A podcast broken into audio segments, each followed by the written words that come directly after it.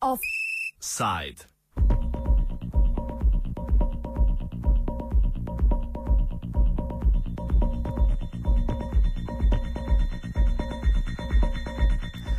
Nov izbruh mednacionalnih napetosti v Makedoniji.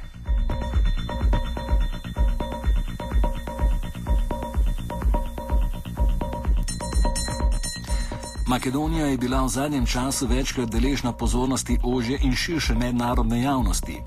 Povod so bili zapleteni notranje politični odnosi v tej nekdanji Jugoslovanski republiki, ki vse od razpada skupne države, poleg težavnih odnosov z Grčijo, lovi šibko ravnotežje med večinskim makedonskim prebivalstvom in številčno zastopano albansko manjšino.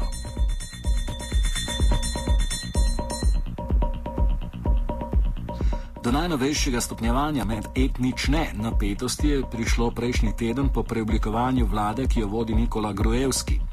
Na položaj obramnega ministra je imenoval nekdanjega poveljnika albanskih upornikov Taleta Šaferija, kar je sprožilo silovite petkove proteste etničnih makedoncev.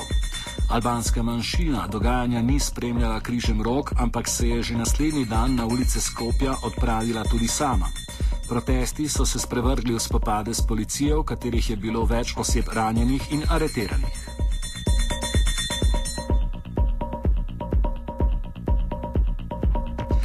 Glede na to, da se za ta konec tedna prek družabnih omrežij napovedani novi protesti obeh skupnosti, nam je podrobnejši pogled v dogajanje že pred dnevi podal makedonski profesor političnih znanosti Zdravko Sejovski. Минатиот викенда смо имали прво македонски националистички протест и онда следичи дан албански националистички протест.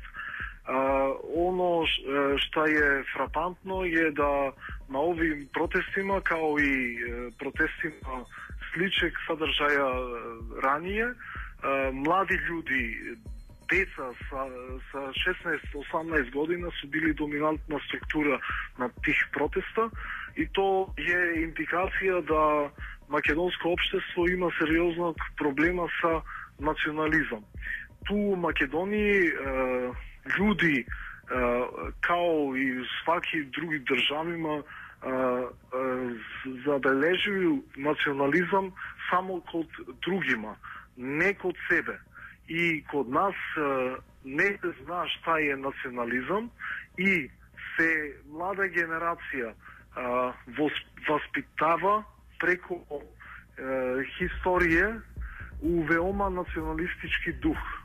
И то е, структури структуре потребљавају и расте меѓуетничка тензија.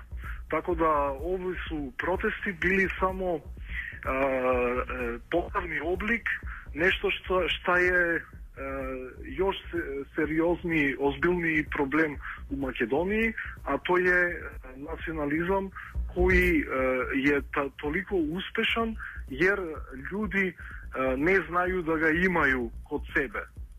U kolikoj meri su ove, ove konflikti bili izazvani ili čak poticani sa strane nespametnih izjava i možemo reći populističnih izjava u predvolilnim uh, кампањама за локални избори?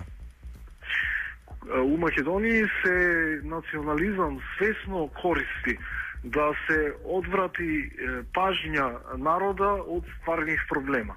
Така да власт искориштава национализам да да да одвлачи пажњу од других проблема, свесно.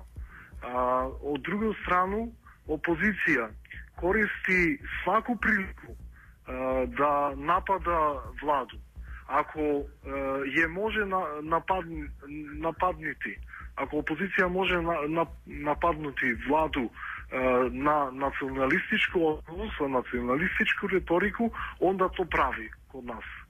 Па е опозиција, главна опозицијска странка, код нас е социјалдемократска, али еден од koalicijskih партнера е е удруж, партија uh, од uh, od 2001. Uh, kad smo imali. А, така да е таа партија у коалицију со социјалдемократском странку изазвала изазвала тензија кои се резултираи да са са протестима овог викенда.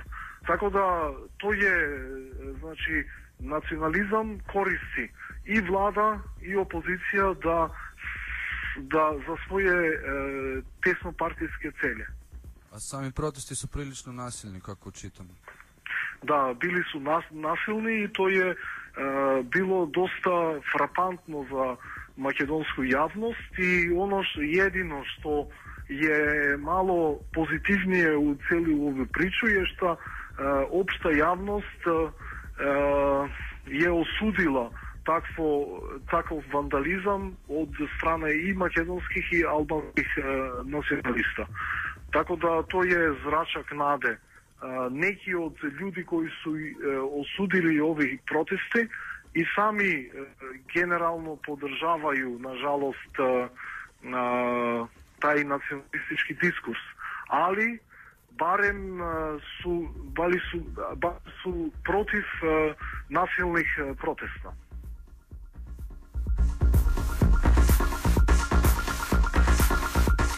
Izvršni direktor Makedonskega združenja novinarjev Dragan Sekulovski povod za proteste vidi v notranji logiki družabnih omrežij, pri tem pa se je izognil direktnemu odgovoru o samem povodu protestov. I need to say that uh, the social media and the internet media are having quite a bit influence in the country lately. I mean, this is a global trend, so we cannot uh, speak only specifically for Macedonia. And basically, these kind of actions are being initiated and are being organized mainly through the social networks, primarily through Facebook.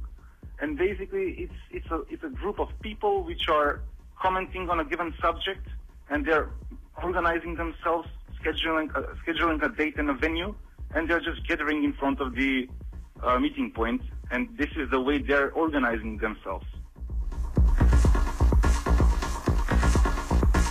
Sekulovski je seznanjen z napovedjo protestov ta konec tedna, čeprav ni prepričan, da bo do njih tudi prišlo.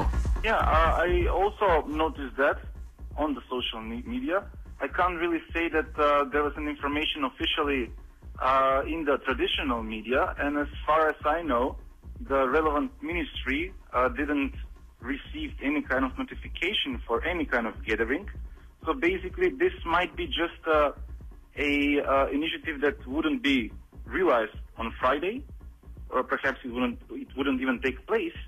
So I, I don't really know whether it's going to happen or not, or who initiated, or what is the main goal or purpose of this gathering. Ali obstaja možnost, da so protesti politično motivirani? I'm not really sure about this because, as far as uh, the media were transmitting uh, the events, the, the political parties were trying to, to to to state that the situation needs to be calm. So they were calling on peaceful actions, and they were calling on actions that are not violent. So this was the direct involvement in the in the initiatives that were taking place last weekend.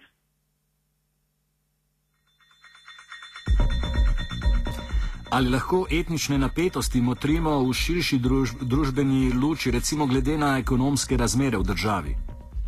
Huh, well, the economics, as you know, uh, the, the Macedonian standard is not very high comparing the region, and of course quite low comparing the European standards. So basically, this is one of the things that we need to work in future, you know, improve the standard. And the economical situation, well, the biggest challenge is the unemployment, as, as you are familiar, because basically the youngsters, so people between 20 and 28, the average percentage of unemployment rate is around 52%. That comparison, uh, comparing this to, to Slovenia, you know better than me, is quite higher. And uh, in future, I think that these are the main issues that we, we need to tackle and to work on. So uh, first, primarily to try to foster a process where the unemployment of the youngsters primarily would decrease, and as a as a consequence, positive consequence of this would be would be a better standard and better conditions for the people to work. Cagolovski nam je na koncu še podal mnenje o prihodnji poti Makedonije na poti v multikulturno družbo. Tendency to live in multicultural environment in multicultural society. And uh, it is very important to, to treat common relationship on honest and on good way. So, as I said previously, the media can contribute in this in this activity quite a lot, and uh, I really hope that in future, nevertheless, if if is going to happen some kind of gathering this Friday or Saturday, that uh, the people that are that would be engaged in this kind of activities would actually uh, absorb the callings for, for peaceful gathering and for uh, demonstrating, let's say, their causes on, on, on initiatives which are which are being peaceful, and not to take any actions that actually can, in a way, uh, easily can, I'm afraid, uh, get out of control and to, to, to disturb the society with these kind of actions.